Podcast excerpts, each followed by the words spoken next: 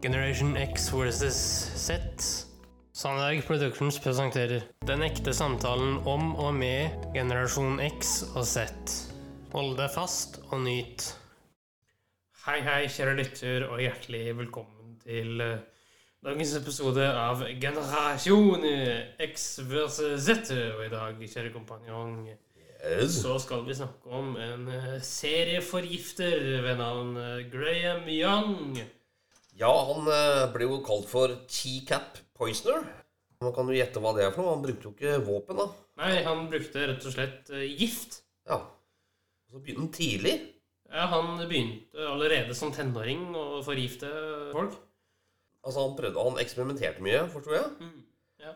Han prøvde også å forgifte, eller iallfall eksperimentere med familien sin. Ja, han forgifta eh, faren sin og tanta si og stemora og sånn. Søstera og Ja, ja. skolevenner og Han drepte noen da. Han drepte et par. Er litt av en type, altså. Ja. Ja, Skal vi si at han er fra England, født 1947, Riktig. døde 1990. Ja, øh, og mora hans døde jo da veldig tidlig, altså når han var veldig ung. Mora døde når han var øh, tre måneder gammel. Å oh, ja, han gjorde det. ja.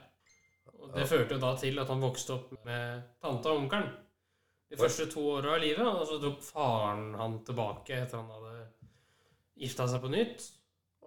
Eh, da ble han da boende med denne stemora da, og faren, eh, som han etter hvert da prøvde å forgifte.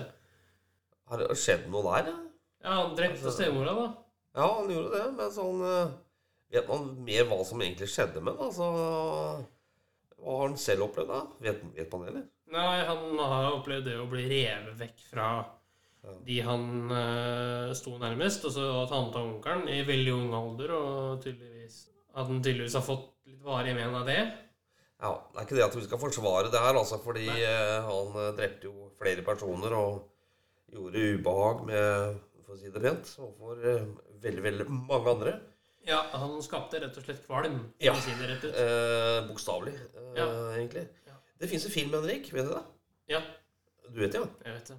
Har, har du sett den? Nei, Den er fra 1995.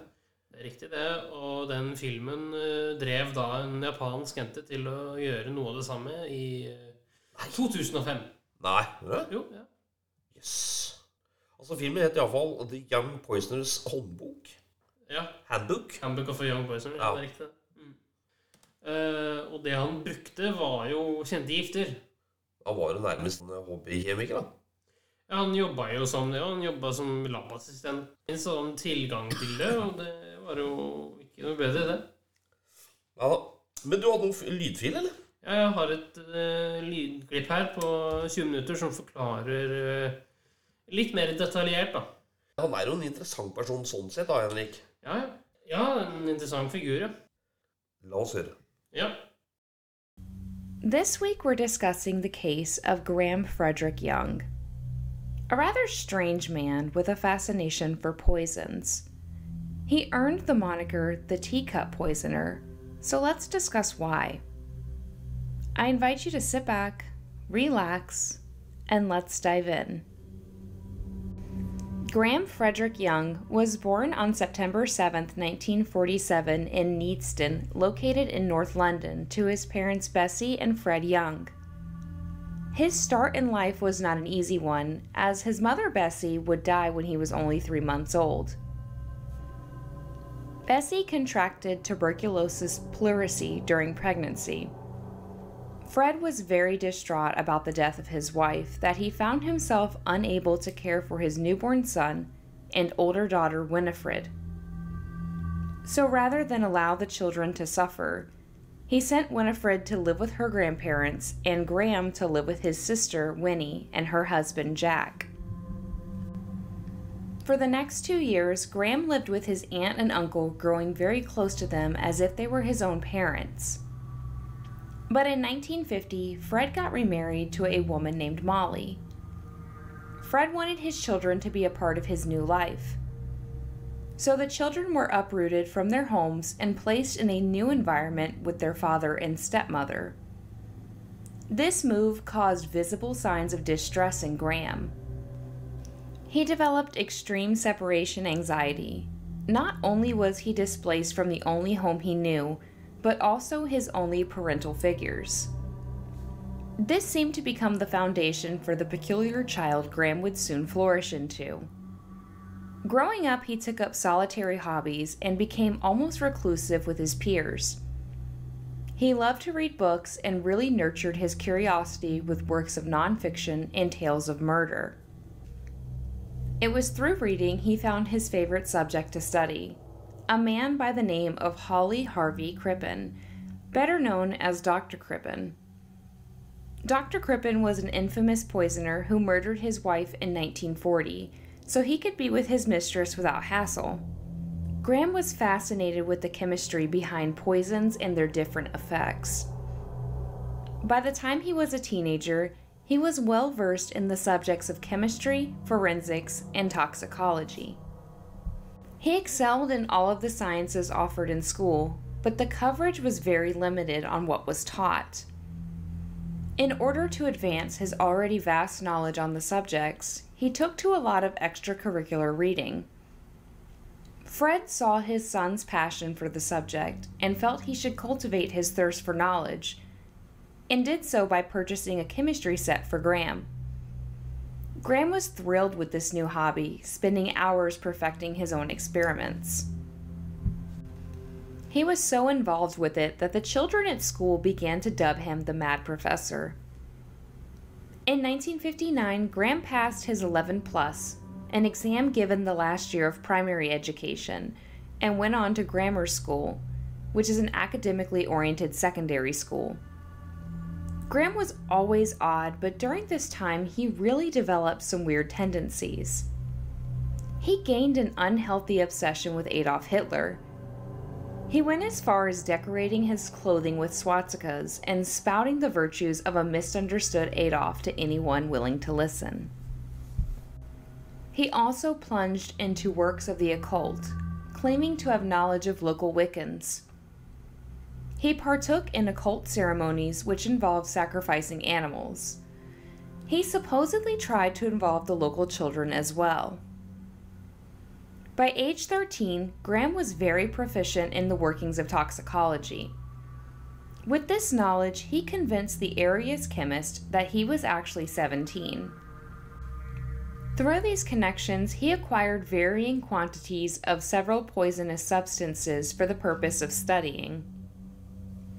Among these were the chemicals antimony, digitalis, arsenic, and thallium. He spent a lot of time studying these chemicals, but decided he needed real test subjects to understand their true potential. He picked his first subject, a fellow science student by the name of Christopher Williams. Graham began to administer small traces of the chemical antimony into drinks and food that he offered to share with Christopher. These trace amounts caused severe illness for the boy. He began suffering from periods of vomiting, painful cramps, and headaches. Christopher's mysterious illness caused him to be out of school a lot, which didn't help curb Graham's scientific curiosity. Luckily, Christopher survived despite there being no clear diagnosis provided by doctors. Graham, however, was just starting and chose subjects in which he had unlimited access to. In 1961, the young family began to show similar symptoms, completely unaware that they were the victims of minute poisoning. Molly was the first to begin complaining of stomach cramps and bouts of pain, but she was not alone. Soon, Fred and Winifred shared similar concerns. On occasion, Graham displayed the symptoms as well. It is unclear if this was on purpose, out of interest, or just plain carelessness.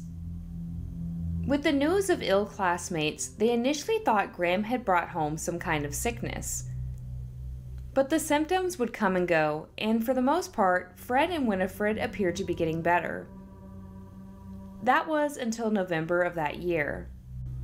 One morning, Winifred was up getting ready for work when Graham had given her a cup of tea.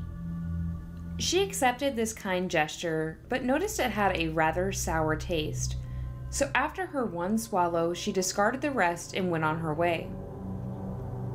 On the train ride to work, she began to feel wrong, and this was soon followed up with hallucinations. Winifred was taken to the nearby hospital, where the doctors discovered she had consumed belladonna extract. Belladonna, or deadly nightshade, is a poisonous plant that was commonly used during the Renaissance. Fred immediately suspected Graham of accidentally contaminating her teacup. But Graham tried to convince his father that Winifred often used the teacup for mixing shampoo. But Fred didn't buy this story, as Winifred wasn't as curious of a mind as Graham. Graham's room was searched, but no incriminating evidence was found. Rather, he took to just warning Graham to be more careful with his chemistry set. While Winifred and Fred made recoveries, Molly appeared to be getting worse. She was very sick by spring, with her hair falling out by the clumps and her body wasting away. Unbeknownst to them, Graham was continuing to poison Molly. Over the span of months, he added minor amounts of antimony to her daily cup of tea. It happened for so long that she actually built an immunity to the antimony based on Graham's notes regarding his experiment. When he noticed her condition wasn't progressing, he chose to switch her poison to thallium. The next day, April 21st, Molly was found by Fred in agonizing pain in their back garden, with Graham watching on in fascination. She was rushed to the hospital where she died later that night. Doctors ruled her cause of death from a prolapse of her spine due to a car accident a year prior. Molly was cremated and no further analysis was made. Not long after Molly's death, Fred became very ill once again. He was admitted to the hospital as well. The doctors discovered the root of his disorder, though. Fred had been poisoned with antimony, and it was suspected one more dose could have been the nail in his coffin. Fred still wasn't establishing the link of these illnesses to Graham. Now, whether this was out of ignorance or disbelief is unknown. An outsider looking in, though, noticed his precocious student. He became quite fearful of Graham's strange behavior. In May of 1962, the month after Molly died, Graham's science teacher searched his desk. Here he discovered several bottles of poisonous chemicals along with violent drawings depicting the death of his family. Obviously concerned, it was brought to the attention of the headmaster, who arranged for Graham to meet with a psychiatrist. After speaking to the boy, the psychiatrist suggested contacting authorities because there was something wrong with Graham. Graham Young was arrested on May 23, 1962. He confessed to poisoning his family and a classmate through his macabre experiments. He boasted to them about his thoughtful way of switching Molly's poison method to deliver her deadly dose. Even though he confessed, he wasn't charged with the murder. There wasn't enough evidence to prove that Graham had killed Molly since her body was cremated. He was sentenced to a minimum of 15 years at the Broadmoor Maximum Security Hospital where at just 14 became the youngest inmate.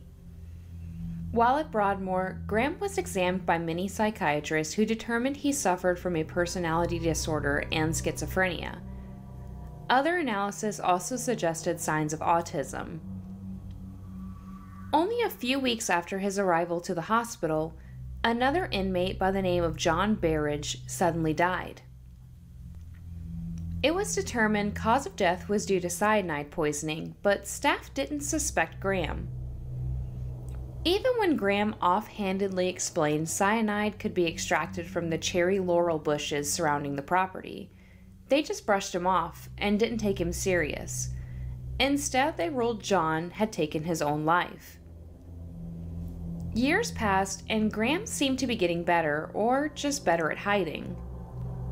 In June of 1970, his psychiatrist recommended he be released as they felt he was fully cured and no longer possessed a fascination with poison. Despite his father insisting he was dangerous, and Graham himself revealing his grandiose plan of killing one nurse for every year he was detained, Graham was released in February 1971 at the age of 23, serving just nine years. He moved to a hostel where one of his roommates had mysteriously fallen ill. The illness nearly paralyzed the young man, but thankfully he recovered. Graham was back to his old ways, procuring his poisons from London pharmacists who were unfamiliar with him. He found work at the John Hadland Laboratory, a photographic supply firm that manufactured infrared lenses for military equipment. It seemed almost coincidental that the main ingredient for the lenses was none other than thallium. Graham's employers knew he had a stent in Broadmoor, but didn't know why he was there. So no one suspected a thing when Graham offered to become the tea maker for the crew. They felt he was odd but kind. And soon a sickness swept among his colleagues and his boss, Bob Egle, who all experienced stomach cramps and dizziness. They chalked this illness up to a contagious virus known as the Bovingdon bug. Bob seemed to have the worst case yet he was admitted to the hospital where he succumbed to his illness on July 7, 1971. His cause of death was ruled as pneumonia. It seemed to be an epidemic, with nearly 70 people experiencing the same symptoms. Oddly, the victims seemed to improve while at home, but as soon as they returned to work, the illness would also return. The investigation into this unknown ailment didn't intensify until after the death of a second employee. Fred Biggs was deteriorating and at a fast pace like Bob did. He was admitted to the hospital where he spent two months before dying on November 19, 1971. The suspicions began to rise as to what the cause of this illness was. They researched contaminated water, radioactive fallout, or leakage of chemicals at their firm as possible culprits, but this led to nothing. The doctors assured employees that the health and safety guidelines were being followed closely. This was when Graham decided to challenge the doctors. He quizzed them on why they hadn't considered thallium poisoning, since it was very deadly and consistently used at the firm. Graham's shocking knowledge of the chemical got management involved, who then contacted authorities about their suspicious employee. Even though they were unaware of his past, it soon came to light. Graham Young was a poisoner, and no stent in a mental hospital would change that. Graham was arrested on November 21, 1971. On his persons, authorities discovered vials of thallium. A search warrant was conducted on his home, which revealed a collection of poisonous chemicals and a detailed diary. In this diary, he kept meticulous notes on the doses administered, effects they had on his subjects, and lastly, who he chose to live and die. He made a verbal confession upon his arrest, but refused to sign a written confession, believing it gave him some kind of power. His trial began on June 19, 1972, at St. Albans Crown Court. He was charged with two counts of murder, two counts of attempted murder, and two counts of administering poison. Graham pled not guilty to all of the charges. He was sure he would receive an acquittal. But the inclusion of his diary affected the jury, leading to a guilty conviction. He was given four life sentences. The media dubbed him the teacup poisoner due to his methods, but Graham hated this. He felt it really dumbed down what he actually did and preferred to be the world poisoner. He was sent to the maximum security at Parkhurst Prison on the Isle of Wight. Here he made friends with another infamous figure, the Moors murderer Ian Brady. The pair shared a love for Nazi Germany and chess. Graham Young was found dead in his cell on August 1, 1990, at the age of 42. The cause of death was determined to be heart failure. His fellow inmates believed the world poisoner had either gotten a taste of his own medicine or took control one last time. The notoriety of his crimes brought a much needed light on thallium as a deadly poison. It was later used to coat missiles in future wars. The aftermath of his crimes caused a review of how poisons are distributed and sold to the public. It was also the catalyst for a review of the treatment, release, and assessment of mental patients. In 1995, a movie titled The Young Poisoner's Handbook was released. It was a dark comedy portraying the life of Graham Young. This movie brought deadly consequences, though. In 2005, a young Japanese girl had seen the movie and became obsessed with Graham. She poisoned her mother with thallium over a period of time and kept a blog documenting her every step. She idolized Graham and wanted to be just like him. In the blog, she wrote, quote, Let me introduce a book, Graham Young's Diary on Killing with Poison, the autobiography of a man I respect. End quote. The girl, who was a minor at the time, received rehabilitation since the judge believed she had developmental problems and had no ill will towards her mother, but was merely trying to experiment. Her mother fell into a coma, and no updates have been provided to the case. So, what did you guys think of Graham Young? Would the teacup poisoner been born if he had never been uprooted from his aunt's house? I thought this was an interesting case because I believe, historically speaking, poison is a feminine way of murder. Det var Graham Young, det. Det var Graham Young. Hva vil du kalle den, da? Nei, jeg vil vel kalle han en morder, da. Kort og greit en morder. Ja, morder, sadist uh, osv. Uh, og neste uke så skal vi snakke om en annen fyr Ja. eh, som drepte mora og stefaren som 16-åring.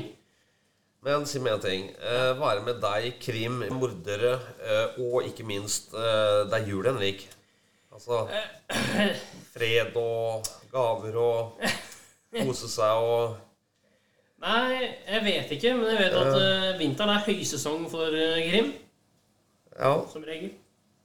Og så sa du noe her om dagen, Henrik. Det- Det du ønsker deg aller mest i verden, vet du hva det var? Fred på jord. Ja, det er jo ikke akkurat det vi har i poddene. Men Nei. eh, kontrastenes verden, altså. Ja, Det er der vi er. ja, ja. Ja, men da, da høres vi igjen, da. Vi høres igjen eh, allerede i morgen, vi.